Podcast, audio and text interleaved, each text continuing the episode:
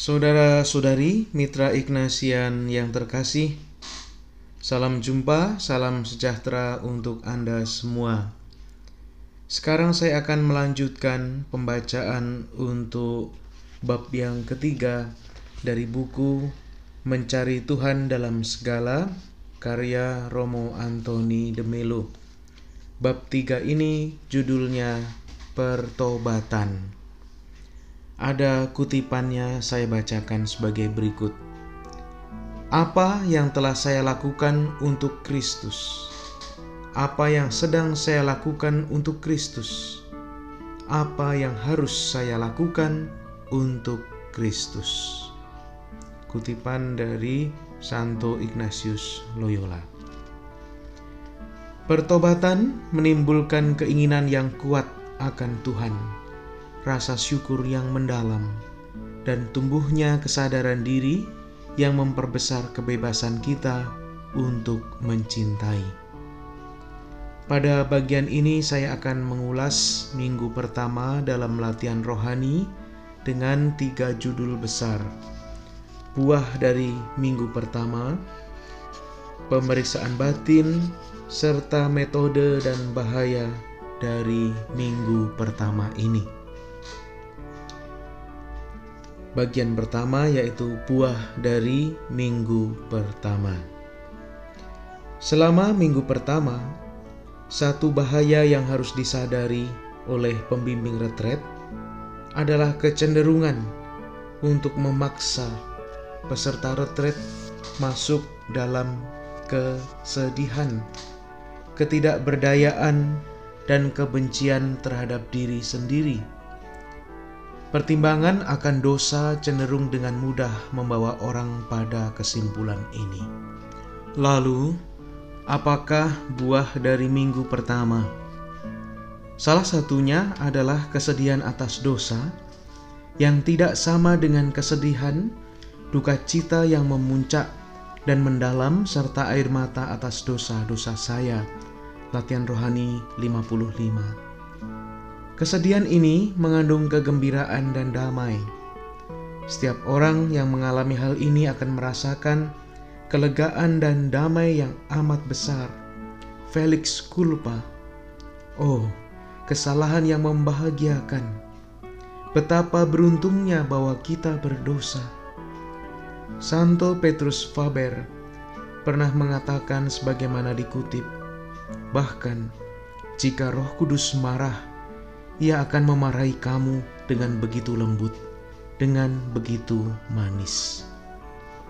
Buah lain dari minggu pertama adalah karunia air mata. Buah ini melambangkan pergerakan menuju cinta akan Tuhan. Air mata membentuk salah satu anugerah yang dibicarakan oleh Ignatius. Peserta retreat tidak dapat begitu saja mendapatkannya. Ia harus memohon dan menginginkan anugerah ini, dan bahkan melakukan penitensi untuk itu. Air mata merupakan rahmat yang berharga dari minggu pertama. Hal ini juga dapat dilihat dalam beberapa aliran mistik lainnya, misalnya para guru Zen memberi arti yang sangat penting bagi air mata. Dengan air mata ego yang palsu dibersihkan dari mereka. Buah lain dari minggu pertama adalah keinginan yang kuat akan Tuhan. Keinginan ini merupakan fondasi dari segala sesuatu yang lain. Sesungguhnya, ini merupakan bagian dari pertobatan tanpa keinginan yang sangat kuat akan Tuhan, orang tidak akan mendapatkan apa-apa dari retret yang panjang atau dari retret apa pun. Ambillah misalnya gambaran berikut ini. Seseorang pergi menemui seorang sadu atau orang suci dalam agama Hindu setiap hari dan mengatakan bahwa ia ingin mengalami Tuhan. Sang sadu tidak menjawab apa-apa, dan orang itu datang lagi dan lagi untuk menemuinya. Setelah berhari-hari, sang sadu lalu berkata dalam hati, "Orang ini tampaknya benar-benar seorang pencari Tuhan yang gigih." Karena itu, ia berkata kepada orang itu, "Bila saya pergi ke sungai untuk mandi, datanglah dan temuilah saya di sana." Ketika di sungai, keduanya masuk ke air, dan sang sadu menenggelamkan kepala orang itu ke dalam air selama satu sampai dua menit. Orang itu berontak, berusaha melepaskan diri. Ketika sang sadu melepaskan orang itu, ia berkata, "Datanglah kepadaku di bawah pohon banyan." Sang sadu bertanya kepadanya, "Ketika saya menahan kepalamu di bawah air, kamu berjuang untuk keluar. Mengapa?" Karena saya membutuhkan udara, jawab orang itu. Lalu sang sadu berkata kepadanya, "Pada hari ketika kamu begitu menginginkan Tuhan, seperti kamu menginginkan udara ketika kamu ada di bawah air, pada hari itulah kamu akan menemukannya." Jadi, jika seseorang belum menemukan Tuhan, itu artinya ia memang tidak sungguh-sungguh menginginkan Tuhan. Itulah yang sebenarnya terjadi. Kita menginginkan banyak hal lain selain Tuhan. Kita kemudian merasakan kegelisahan, gangguan, dan seterusnya. Dalam kehidupan kebanyakan orang kudus, di mana telah terbangun suatu keterarahan pada satu tujuan, mereka tidak menginginkan hal lain selain Tuhan, dan karena itu mereka membuat terobosan. Begitu pula halnya dengan orang-orang kudus di India.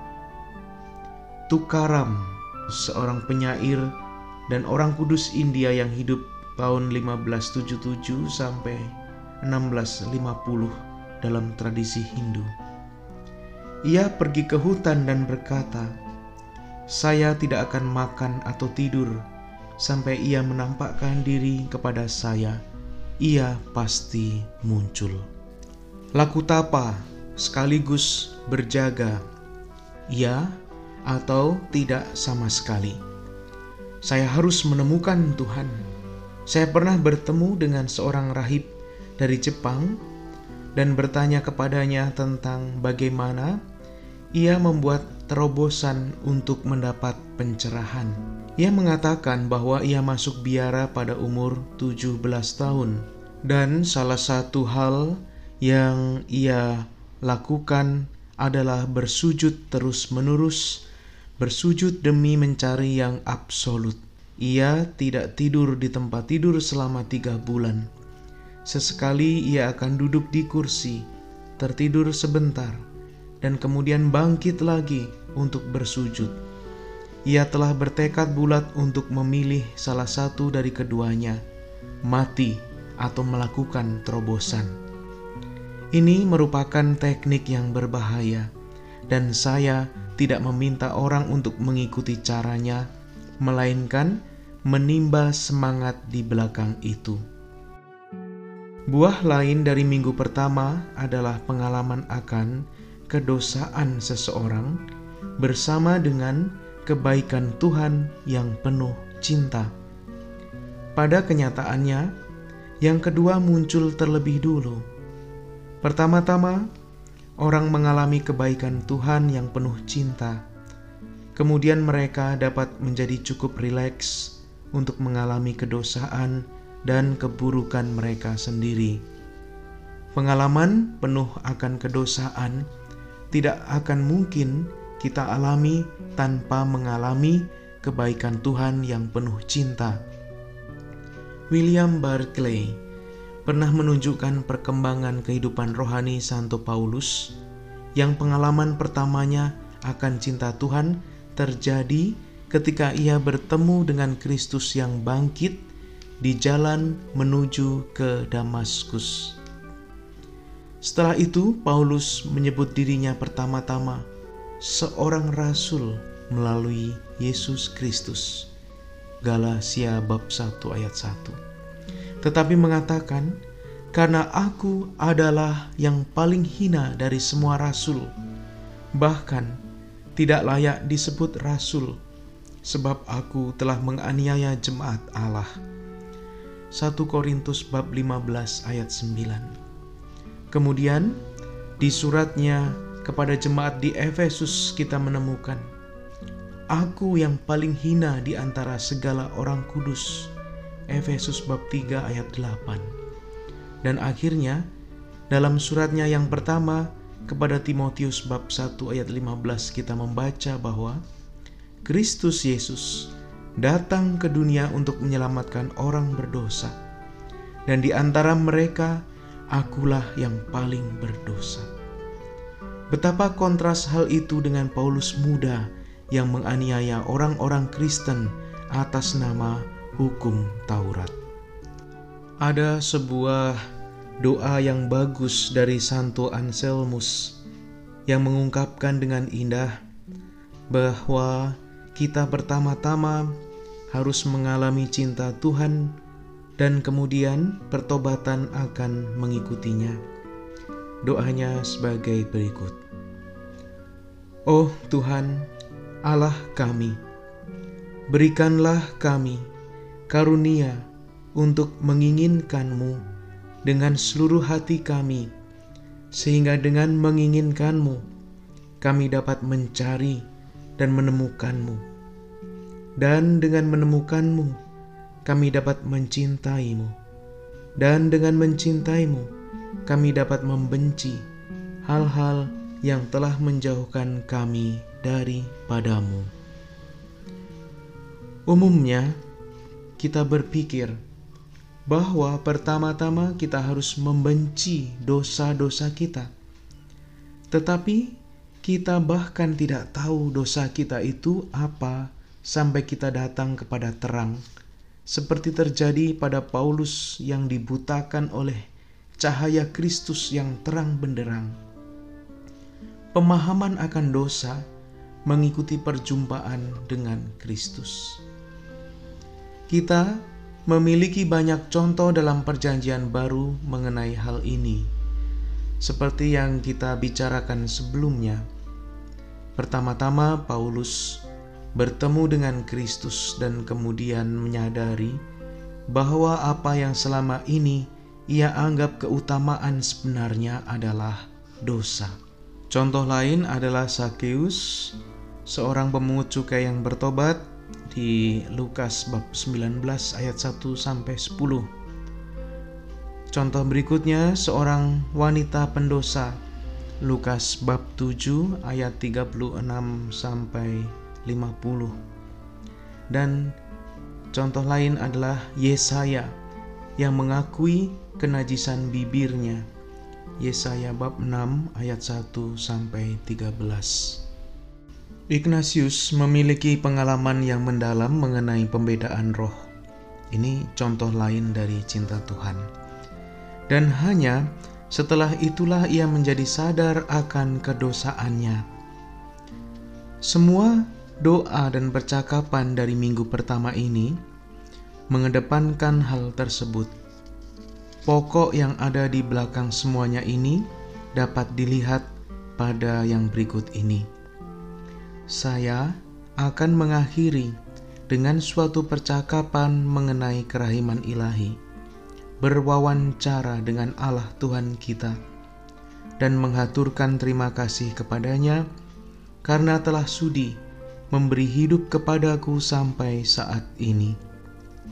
Membuat niat untuk selanjutnya memperbaiki diri dengan pertolongan rahmatnya. nya ada kehadiran yang penuh cinta di balik segala sesuatu, menopangku dan mencintaiku, menjaga dan melindungiku. Ignatius ingin agar para peserta retret menangkap hal ini. Betapa Tuhan itu lembut dan penuh cinta kepada diriku. Kemudian kita berjumpa dengan buah dari kemurahan hati yang total apa yang harus aku lakukan untuk Kristus. Terhadap jawaban atas pertanyaan itulah pembimbing retret menilai apakah seseorang siap untuk memasuki minggu kedua atau tidak. Akhirnya, rasa syukur yang mendalam merupakan buah yang lain dari minggu pertama.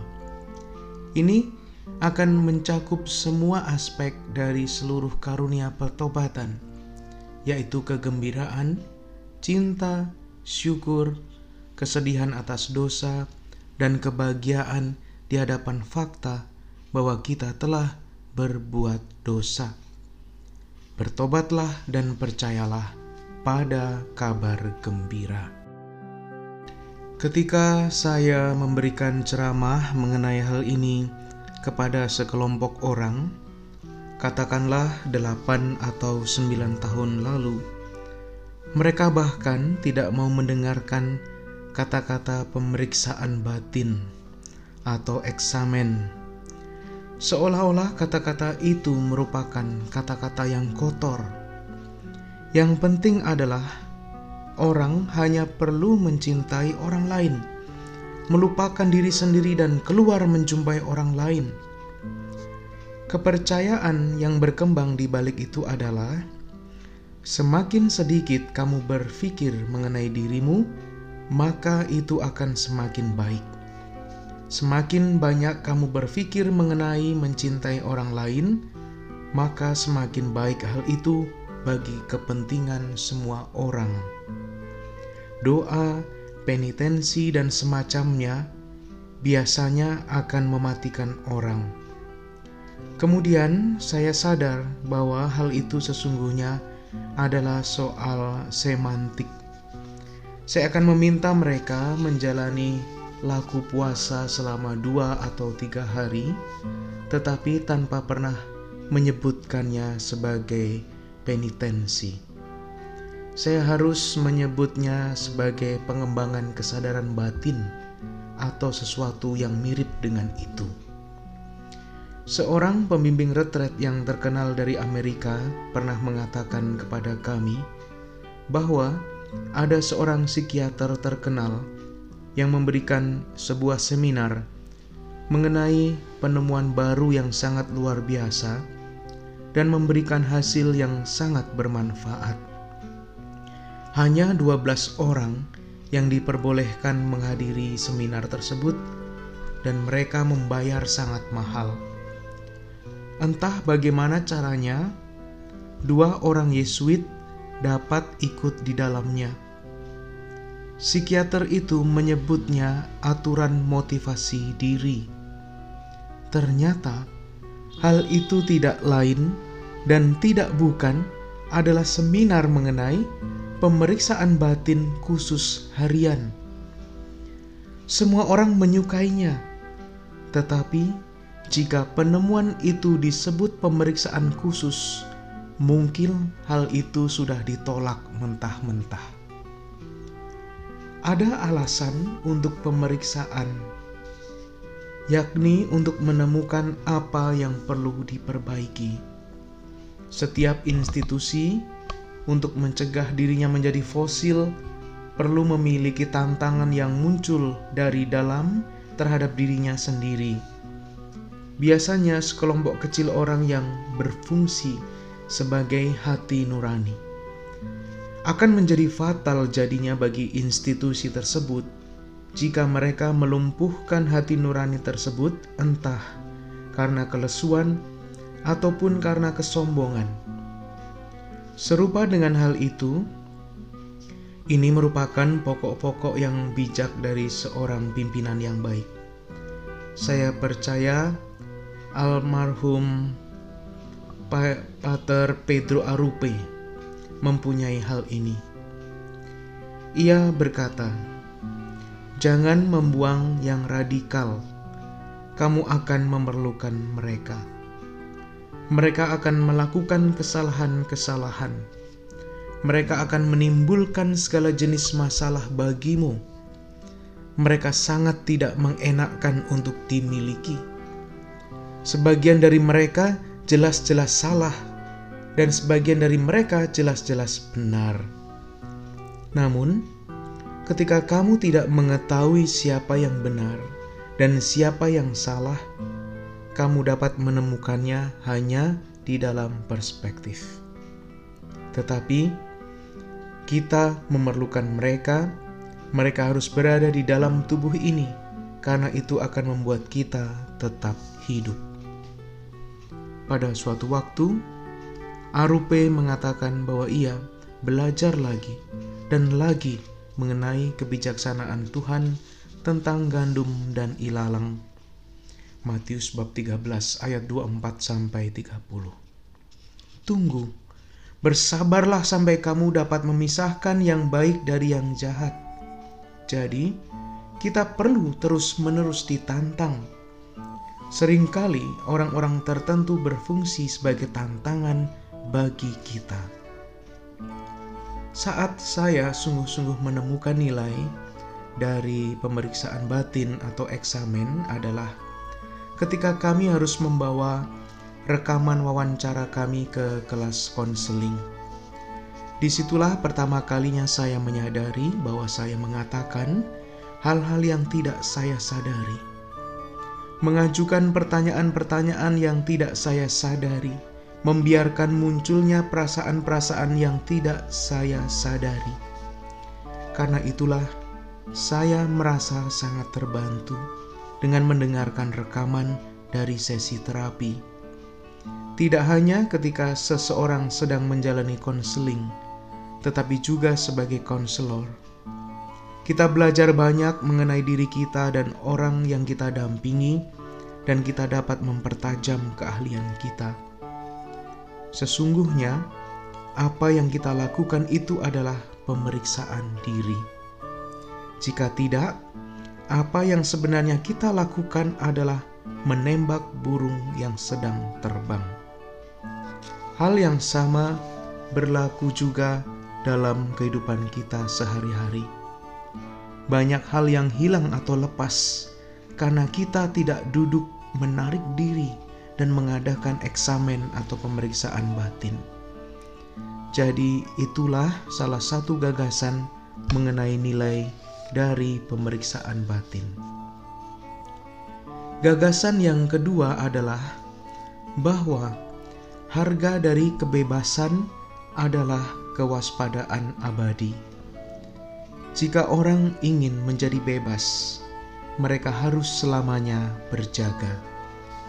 Salah satu komentator besar latihan rohani, yaitu Ignacio Casanovas, mengatakan, sebuah rumah yang memiliki banyak harta jika tidak dijaga akan segera kehilangan harta tersebut. Kita harus terus-menerus memperhatikan siapa yang masuk dan siapa yang keluar. Jika tidak, kita akan kehilangan harta kita. Untuk membuktikan bahwa kebebasan membutuhkan kesadaran dan kewaspadaan, ambillah contoh orang yang dihipnosis. Selama ia dihipnosis, ia diminta untuk membawa buku tertentu dari perpustakaan kepada seseorang pada keesokan harinya. Ia akan melakukan hal itu esok hari tanpa tahu mengapa. Ia tidak sadar akan apa yang mendorongnya melakukan itu, dan karena itu ia tidak bebas. Ketika orang menyadari apa yang mendorong mereka, mereka lalu dapat bertindak dengan bebas. Jika mereka tidak sadar, itu artinya mereka melakukannya secara kompulsif. Izinkanlah saya memberikan contoh yang lain. Beberapa waktu yang lalu, saya kehilangan banyak pensil dan pena saya tidak sadar di mana saya meletakkannya. Semakin banyak orang melakukan hal ini, semakin tidak bebas tindakannya. Tindakannya menjadi otomatis, tidak bebas. Bayangkanlah seseorang seperti itu bertemu dengan banyak orang, berbicara dengan mereka, membimbing mereka, dan tidak menyadari apa yang ia katakan atau apa yang sesungguhnya sedang terjadi. Tidak ada kebebasan di situ. Orang itu bebas hanya jika mereka menyadari apa yang mereka lakukan. Seorang filsuf Spanyol menulis esai yang bagus sekali mengenai kebebasan melalui kesadaran. Ia mengatakan bahwa kebanyakan dari kita seperti bola-bola di meja biliar. Kita didorong ke sana ke sini. Manusia memiliki sensasi, tetapi bola biliar tidak. Hanya itulah perbedaannya, tidak lebih latar belakang, sejarah, dan lingkungan mereka mendorong atau mendesak mereka ke arah yang berbeda-beda, dan mereka merasa bahwa mereka tidak dapat mengendalikannya. Langkah pertama untuk dapat mengendalikannya adalah menjadi sadar. Ya, inilah proses yang sungguh-sungguh menuntun untuk kembali ke rumah untuk menjadi sadar akan apa yang sedang terjadi. Dari manakah dorongan-dorongan ini berasal? Siapa yang mendorong saya? Tidak ada yang dapat menggantikan kesadaran ini. Kesadaran untuk pulang ke rumah, ke dalam diri kita sendiri ini. Lihatlah bagaimana dangkalnya orang yang mengatakan, lupakanlah dirimu dan berikanlah dirimu kepada orang lain. Sungguh, ini pernyataan yang sangat dangkal. Bahkan, yang mengerikan adalah bahwa orang tidak sadar akan apa yang sedang terjadi dalam dirinya sendiri. Mereka menyakiti orang lain, bukannya memberikan diri kepada orang lain, mereka malahan melakukan sesuatu yang langsung merugikan orang lain yang hendak mereka tolong. Dalam melakukan konseling, kita harus sadar akan kedua peran kita sebagai partisipan dan sebagai pengamat. Orang harus berpartisipasi dengan memperhatikan klien dan memperhatikan dirinya sendiri. Jika konselor tidak melakukan hal ini, mereka akan kehilangan dirinya di hadapan klien dan bahkan tidak sadar akan apa yang mereka lakukan terhadap klien tersebut. Berkenaan dengan kesadaran batin, saya akan menganjurkan latihan berikut. Duduklah di suatu tempat, berhentilah membaca, matikan handphone, dan seterusnya bertanyalah kepada diri Anda sendiri, di manakah kebebasanku? Kebebasan adalah kemampuan untuk melakukan apa saja yang seseorang ingin lakukan. Ini seperti ketika Anda ingin berjalan ke ruang makan, tetapi satu kaki berjalan ke satu sisi, kaki yang lain ke sisi yang berbeda, sementara kepala menghadap ke arah yang salah dan seterusnya. Jika itu yang terjadi di dalam diri kita, kita tidak dapat melakukan apa yang kita inginkan. Kekacauan total menarik ke segala arah, suatu gambaran yang sempurna dari apa yang terjadi di dalam diri kita. Kebebasan macam apa ini? Seharusnya kita terarah pada kebebasan untuk mencintai Orang tidak memiliki kebebasan untuk mencintai sampai mereka menjadi sungguh-sungguh sadar akan diri mereka. Inilah gagasan yang pernah saya ambil dari sebuah buku karya seorang psikiater. Ia mengatakan, beberapa temperamen, beberapa karakter lebih memilih mencari cawan suci ketimbang membantai sang naga. Di abad ke-20, kita adalah pemburu cawan suci ketimbang pembunuh naga. Kita akan lebih menekankan cinta kepada sesama ketimbang benci terhadap diri sendiri. Inkarnasi ketimbang penyalipan. Abad kita ini secara mengejutkan berbeda dengan abad-abad sebelumnya. Orang-orang di abad-abad yang lalu sungguh terobsesi oleh diri sendiri dan oleh pelarian diri. Tampaknya mereka kekurangan cinta dan kedekatan. Mereka akan terkejut bila memikirkan bahwa kita mengusahakan cinta akan Tuhan tanpa memangkas akar dari kelekatan-kelekatan yang tak teratur, atau berupaya menemukan cawan suci tanpa membunuh sang naga. Aldous Huxley mengatakan, "Sirnalah kerajaan kita." Dan itu merupakan konsekuensi logis dari datanglah kerajaanmu. Hal ini benar-benar bermuara pada pemahaman bahwa kesadaran diri merupakan sesuatu yang esensial bagi kita. Namun, kehilangan diri dalam cinta dapat menjadi sangat menyesatkan. Ignatius memberi kita sebuah bentuk metode untuk membantu.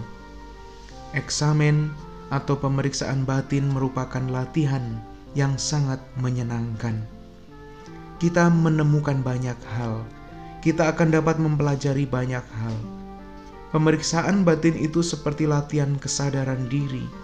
Jika orang tidak menganggapnya sebagai semacam latihan, membenci diri sendiri atau mengkritik diri sendiri dalam artian yang negatif.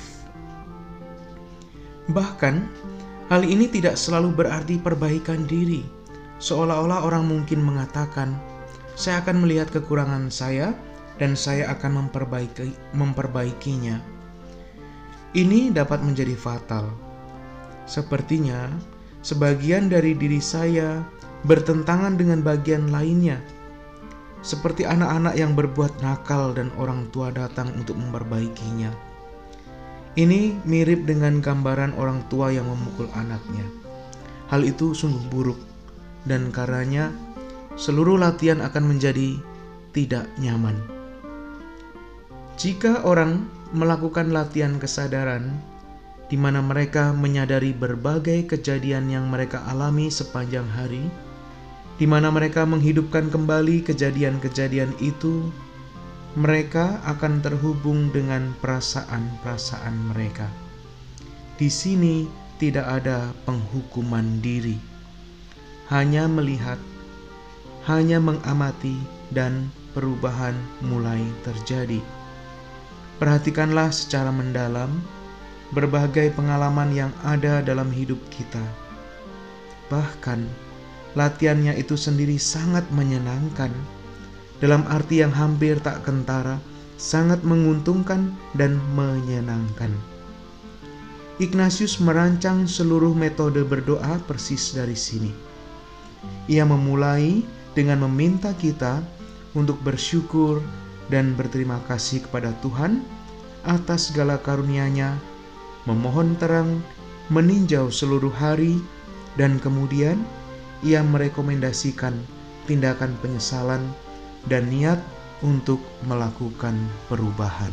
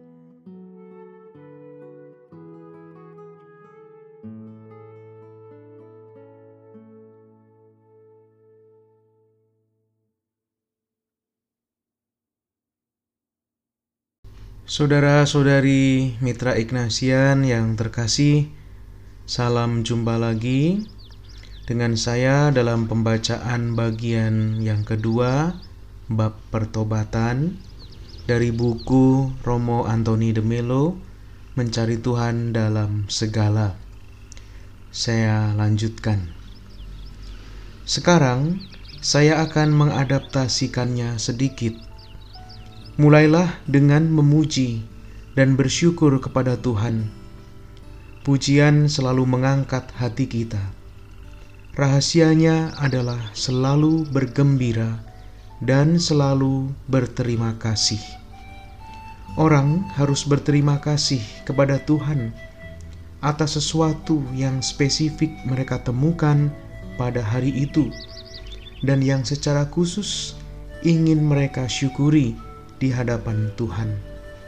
Saya rasa ini sangat membantu, karena ketika orang berkata, "Terima kasih Tuhan atas karunia-karuniamu," segalanya menjadi sangat umum. Sebutkan satu hal yang ingin saya syukuri kepada Tuhan hari ini. Itu akan jauh lebih memudahkan orang dapat meluangkan satu atau dua menit untuk itu. Karena khusus apakah yang saya terima hari ini?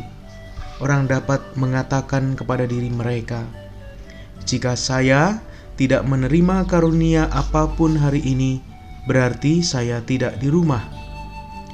Ini dikarenakan Tuhan mengantar kirimannya terus-menerus tanpa henti. Seorang mistikus Yesuit pernah mengatakan, "Jika kita dapat melihat bahkan sekilas saja dari sejumlah karunia yang diberikan Tuhan kepada kita setiap menitnya, kita akan berpikir bahwa karunia-karunia itu khusus untuk orang-orang kudus seperti Santo Fransiskus Saverius. Tuhan sangat murah hati namun, seseorang harus berada di rumahnya untuk menerima karunia dari Tuhan, untuk membangun kontak dengan Tuhan. Seseorang harus membangun kontak dengan dirinya masing-masing. Jika seseorang menjadi asing dengan dirinya sendiri, bagaimana mungkin ia menjadi dekat dengan Tuhan? Jelas-jelas bahwa orang itu akan menjadi asing terhadap Tuhan dan menjadi asing terhadap sesamanya manusia. Kemudian, setelah melampaui satu hari, jika seseorang sulit berkonsentrasi, sangat membantu bila ia menuliskan kejadian-kejadian yang ia alami selama hari itu. Kejadian pertama, kejadian kedua, Kadang-kadang satu atau dua kejadian saja sudah cukup. Kita tidak harus menjadikan ini sebagai latihan yang lengkap. Hanya dua atau tiga kejadian sudah cukup. Dengan kata lain, apakah hal terbaik yang saya lakukan hari ini? Apa yang terburuk? Itu sudah cukup. Ada banyak bahan di sana. Cara ketiga, untuk meninjau kejadian-kejadian selama hari itu adalah dengan bertanya kepada diri sendiri, "Apakah hari ini saya bersemangat? Jika iya, mengapa? Jika tidak, mengapa?" Ignatius menempatkan pemeriksaan batin atau eksamen ini sebagai sesuatu yang sangat penting. Karena sangat pentingnya latihan ini bagi Ignatius, dengan mudah ia akan memberi dispensasi bagi seorang peserta retret untuk tidak bermeditasi ataupun berdoa brevir karena sakit, pusing, atau kelelahan. Tetapi Ignatius tidak pernah membebaskan orang dari pemeriksaan batin. Kita harus selalu menjaganya sebagai bagian dari upaya kita untuk mencapai kesadaran diri. Pendek kata, hidup yang tidak direfleksikan itu tidak pantas untuk dijalani. Jadi, Jika seseorang sungguh-sungguh mau hidup, ia membutuhkan refleksi seperti eksamen atau pemeriksaan batin tersebut. Kita harus masuk ke diri kita dan menjadi sadar akan diri kita. Bahkan kepada para frater skolastik, yaitu para Yesuit yang sedang menempuh masa pembinaan. Ignatius hanya menuntut satu jam waktu berdoa dan dari satu jam itu mereka diharapkan melakukan pemeriksaan batin selama setengah jam. Alasan ia menekankan begitu pentingnya pemeriksaan batin adalah karena ia menggunakannya sebagai sarana untuk pembedaan roh. Roh apa yang menggerakkan saya? Seperti yang saya katakan sebelumnya, ketika tidak ada gerakan-gerakan batin pada diri peserta retret, ia berarti sedang jatuh ke dalam keadaan yang suam-suam kuku. Hal ini dalam ukuran tertentu dapat diterapkan dalam kehidupan. Ketika sedang melakukan pemeriksaan batin, seseorang bertanya, "Saya sedang dalam keadaan apa saat ini? Konsolasi, desolasi, bersemangat, tidak bersemangat, gersang, kering, atau apa? Secara spiritual, ada di manakah saya?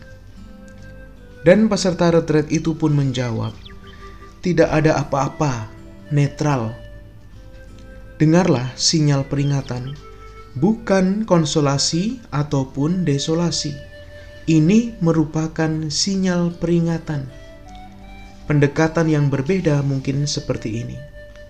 Roh apa yang menuntun saya hari ini? Keputusan apa yang saya ambil hari ini?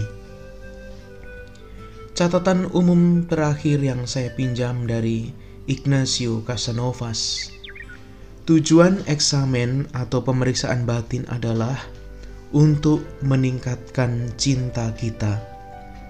Pemeriksaan batin bukan untuk membuat kita lesu.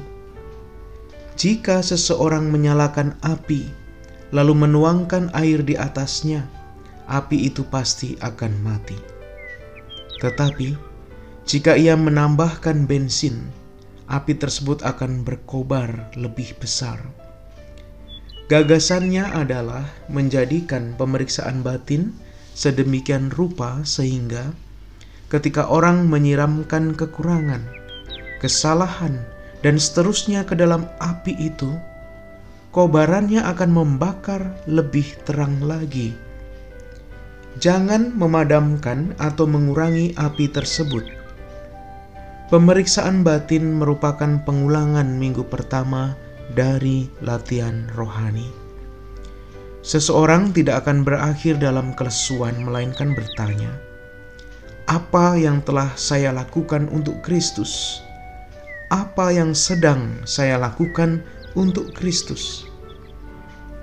Banyak orang merasakan cinta Tuhan selama pemeriksaan batin, sehingga mereka menjadi lebih bersemangat untuk melakukan hal-hal besar bagi Kristus. Hal ini dapat dilakukan hanya bila mereka meninjau seluruh hari di bawah tatapan Kristus. Dan tatapan itu adalah tatapan yang penuh cinta. Ia memandang kita dengan cinta yang amat besar. Ini sungguh berdampak bagi seseorang bila mereka datang di hadapan Kristus dan Kristus memandang mereka. Seseorang dapat berefleksi, satu hari lagi terbuang, banyak sekali kekurangan saya melakukan hal-hal yang tidak ingin saya lakukan. Saya merusak segalanya. Namun kemudian ia melihat ke dalam mata Kristus, dan apa yang telah terjadi itu tidak mengubah apa pun. Ia tetap mencintai kita dengan cinta yang sama. Subbab selanjutnya adalah metode dan bahaya dari minggu pertama saya lanjutkan. Bagaimanakah Metode berdoa di minggu pertama. Bagaimanakah Anda dapat menerima buahnya? Ikutilah prinsip Ignatius berikut ini. Lakukan semuanya seolah-olah segala sesuatu bergantung pada Anda, dan berdoalah seolah-olah segala sesuatu bergantung pada Tuhan. Maksudnya adalah bahwa kita melakukan semua hal yang dapat kita lakukan untuk memperoleh buahnya. Dan pada saat yang sama kita menyadari bahwa semuanya semata-mata adalah karunia. Buah minggu pertama diperoleh karena cinta Tuhan dan bukan karena usaha kita. Karena itu, untuk doa-doa pada minggu pertama, saya merekomendasikan Mazmur, doa-doa yang didaraskan, dan doa permohonan. Di samping itu, metode doa Benediktin Lexio Divina juga baik untuk digunakan. Doa ini terdiri atas pembacaan Mazmur atau kutipan dari kitab suci yang dibaca berulang-ulang. Doa ini lebih mungkin menghasilkan buah ketimbang doa yang menggunakan penalaran akal budi. Metode yang lain lagi adalah wawancara dan doa permohonan. Lihatlah apa yang dikatakan Ignatius dalam latihan rohani 53 tentang bagaimana melakukan percakapan. Seperti seorang teman berbicara dengan temannya. Rahmat ini dapat diterima melalui percakapan dengan Kristus. Dalam hal ini, iman imajinatif akan sangat membantu, khususnya melalui pengulangan-pengulangan yang secara bentuk hampir mendekati doa kesederhanaan hati. Santo Alfonsus Ligori mendefinisikan doa kesederhanaan hati sebagai berikut di penghujung waktu, meditasi menghasilkan apa yang disebut kontemplasi. Kontemplasi adalah melihat dalam pandangan sekilas kebenaran yang sebelumnya hanya dapat diperoleh melalui percakapan yang panjang. Akhirnya, sederhana saja, gunakanlah doa hening. Jika Anda dapat tetap berada dalam keheningan total, habiskanlah waktu dalam keheningan tersebut. Buah akan dikaruniakan kepada peserta retret, pertobatan akan datang. Mungkin seseorang akan mengalaminya dalam kilasan yang terjadi pada waktu yang lain sepanjang hari itu. Saya menawarkan kepada para peserta retret sedikit kutipan kitab suci untuk digunakan dalam meditasi. Ada lusinan kutipan yang dapat dipilih. Saya biasanya memberikan pilihan seperti Lukas bab 7 ayat 3, 37 sampai 39. Perempuan yang tadinya berdosa yang membasuh kaki Kristus dengan air matanya lalu mengeringkannya dengan rambutnya. Saya suka memberikan kepada para peserta retret teks-teks tentang karunia-karunia seperti cinta, rasa syukur, dan kesedihan akan dosa karena perjumpaan dengan Kristus. Kemudian, kisah para rasul bab 9 ayat 1 sampai 22, pertobatan Paulus. Lalu Lukas bab 15 ayat 3 sampai 22. Ada tiga perumpamaan, domba yang hilang, dirham yang hilang, dan anak yang hilang. Lalu Lukas bab 19 ayat 1 sampai 10 tentang Sakeus. Kadang-kadang saya merekomendasikan agar para peserta retret melakukan kontemplasi Ignasian pada semua teks tersebut, menghidupkan kembali kejadian-kejadiannya dan seterusnya.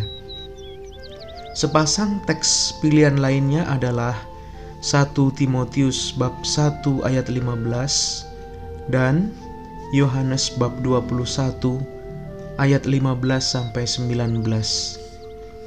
Ketika Yesus menantang Petrus setelah ia berbuat dosa, yang ia tanyakan hanyalah, "Apakah kamu mencintaiku?" Itulah satu hal yang saya tekankan terus-menerus kepada para peserta retret. Dosa diampuni melalui cinta. Ya Tuhan, Engkau mengetahui bahwa aku mencintaimu. Cara dosa diampuni adalah dengan banyak mencintai dan dengan mengampuni semua orang. Hal-hal lain terkait pengakuan setiap detil adalah nomor dua. Sederhana saja, cintailah Yesus dan ampunilah semua orang. Lalu ambillah kutipan-kutipan dari Wahyu bab 2 ayat 1 sampai 7 dan bab 3 ayat 14 sampai 22. Izinkanlah saya untuk menyampaikan sesuatu mengenai bahaya dari minggu pertama. Bahaya spiritual, bahaya rohani adalah perasaan bersalah yang palsu penolakan untuk mengampuni diri sendiri, keinginan untuk memiliki papan tulis yang bersih tanpa cacat, perasaan tidak layak yang palsu cukup umum terjadi di antara para peserta retret.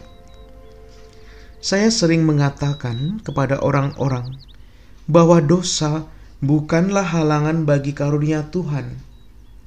Tuhan selalu dapat mengulurkan tangan kepada kita akan tetapi halangan sesungguhnya terhadap karunia Tuhan adalah merasa diri tidak layak, tidak peduli apa pun dosanya, batasnya adalah langit.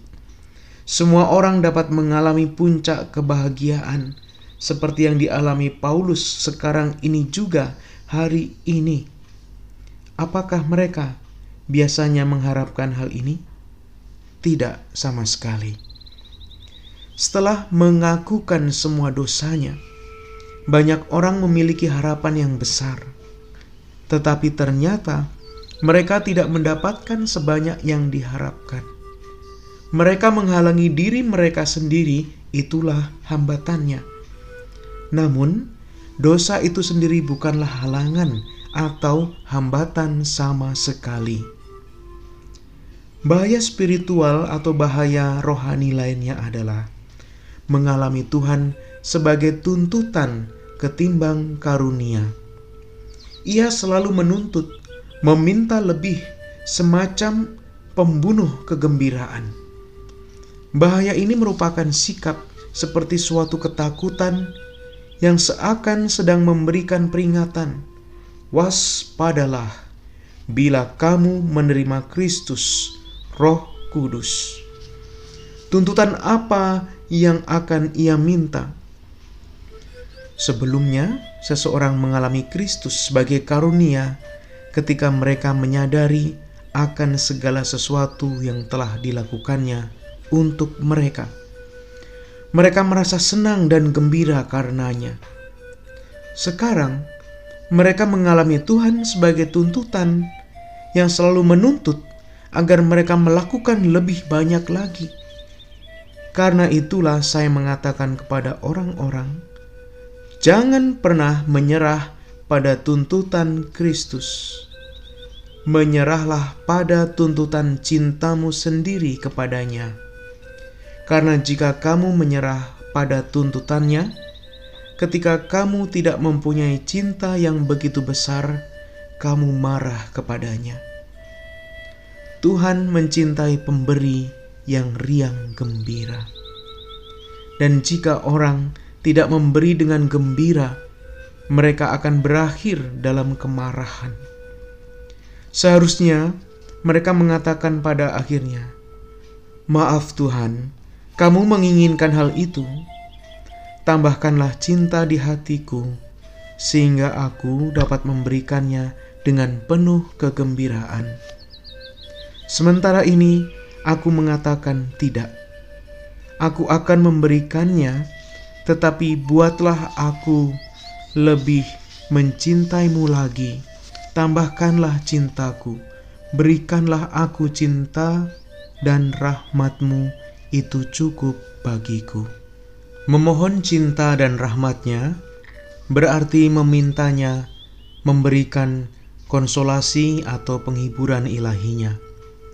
Saat ini, perkara tersebut telah dibuktikan oleh para komentator latihan rohani dalam ilmu tafsir kitab suci. Apa yang diminta Ignatius kepada Kristus adalah untuk membanjiri hatiku dengan penghiburan ilahimu. Itu berarti meminta hatiku terbakar oleh cinta kepada Kristus, sehingga aku tidak dapat mencintai yang lain di muka bumi ini. Berikanlah itu kepadaku, dan kemudian ambillah Tuhan, dan terimalah. Jadi, kamu menginginkan semua itu? Berikanlah aku sesuatu, atau seperti yang akan dikatakan Santo Agustinus, berikanlah kepadaku apa yang kamu minta, lalu mintalah apa pun yang kamu inginkan. Karena itu, aku dapat memberikannya dengan kegembiraan, tanpa takut, tanpa kemarahan ataupun rasa bersalah. Jadi, jangan terlalu bersemangat untuk memberikan segala sesuatu kepada Tuhan. Orang tidak boleh menyerah pada tuntutan orang yang dicintai, melainkan menyerahlah kepada cinta mereka. Karena itu, mereka dapat melihat hal ini juga dalam relasi antar manusia. Dengan demikian, inilah salah satu bahaya minggu pertama. Apa yang akan saya lakukan untuk Kristus? Di pihak saya, segala sesuatu di dunia ini. Jadi, waspadalah. Beberapa orang mungkin mengatakan, "Saya masih lemah." Tetapi saya akan tetap melakukannya juga. Sebaliknya, mintalah kekuatan, tetapi janganlah memaksakan diri. Bahaya terakhir adalah keinginan untuk menenangkan Tuhan. Pendekatan ini semacam menunjukkan tidak adanya pemahaman mengenai cintanya yang tanpa syarat penitensi atau denda yang dilakukan karena hasrat untuk menenangkan Tuhan yang marah akan menghambat hubungan seseorang dengan Kristus. Beberapa metode yang saya pakai untuk mencegah bahaya ini adalah Yesus Kristus hadir di sini. Ia mencintaiku apa adanya.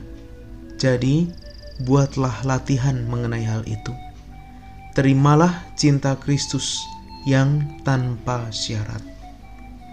Metode yang lain adalah dari Santa Teresa.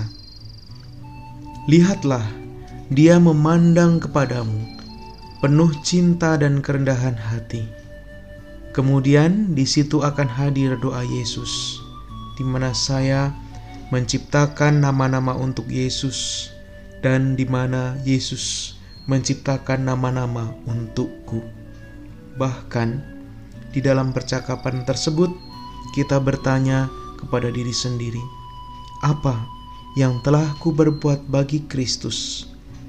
Apa yang sedang ku berbuat bagi Kristus?"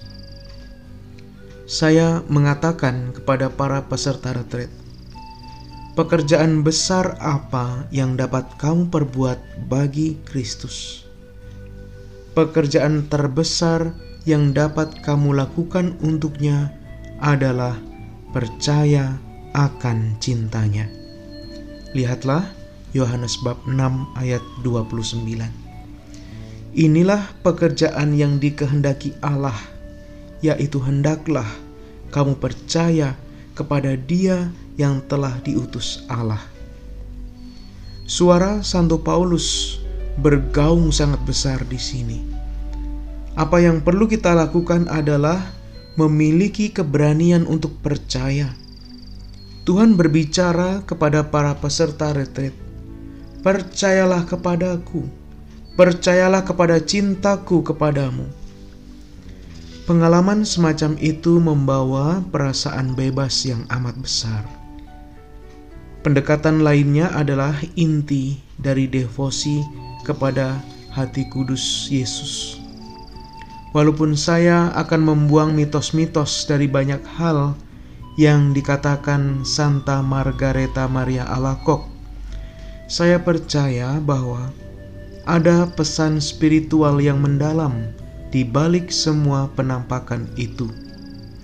Dan saya sungguh percaya akan beberapa janji seperti bahwa semua orang yang melakukan devosi ini akan mengalami dalam kehidupan spiritualnya kemajuan yang melampaui perkiraannya yang paling berani. Dan mereka yang menyebarluaskan devosi ini akan mengalami dalam tugas kerasulannya kemajuan yang melampaui pikiran terliarnya. Seluruh substansi hal ini adalah menerima Yesus Kristus sebagai inkarnasi dari cinta Allah Bapa. Kristus adalah cinta. Kristus adalah cinta yang tak bersyarat. Orang perlu menerima hal itu. Kemudian tentunya seluruh kehidupan spiritualnya akan mekar berbunga. Dan jika kita dapat membuat orang menerima hal ini, betapa hebat transformasi yang akan terjadi. Saudara-saudari yang terkasih, selesai sudah pembacaan saya untuk bab yang ketiga ini tentang pertobatan. Salam sejahtera, Tuhan memberkati Anda semua. Amin.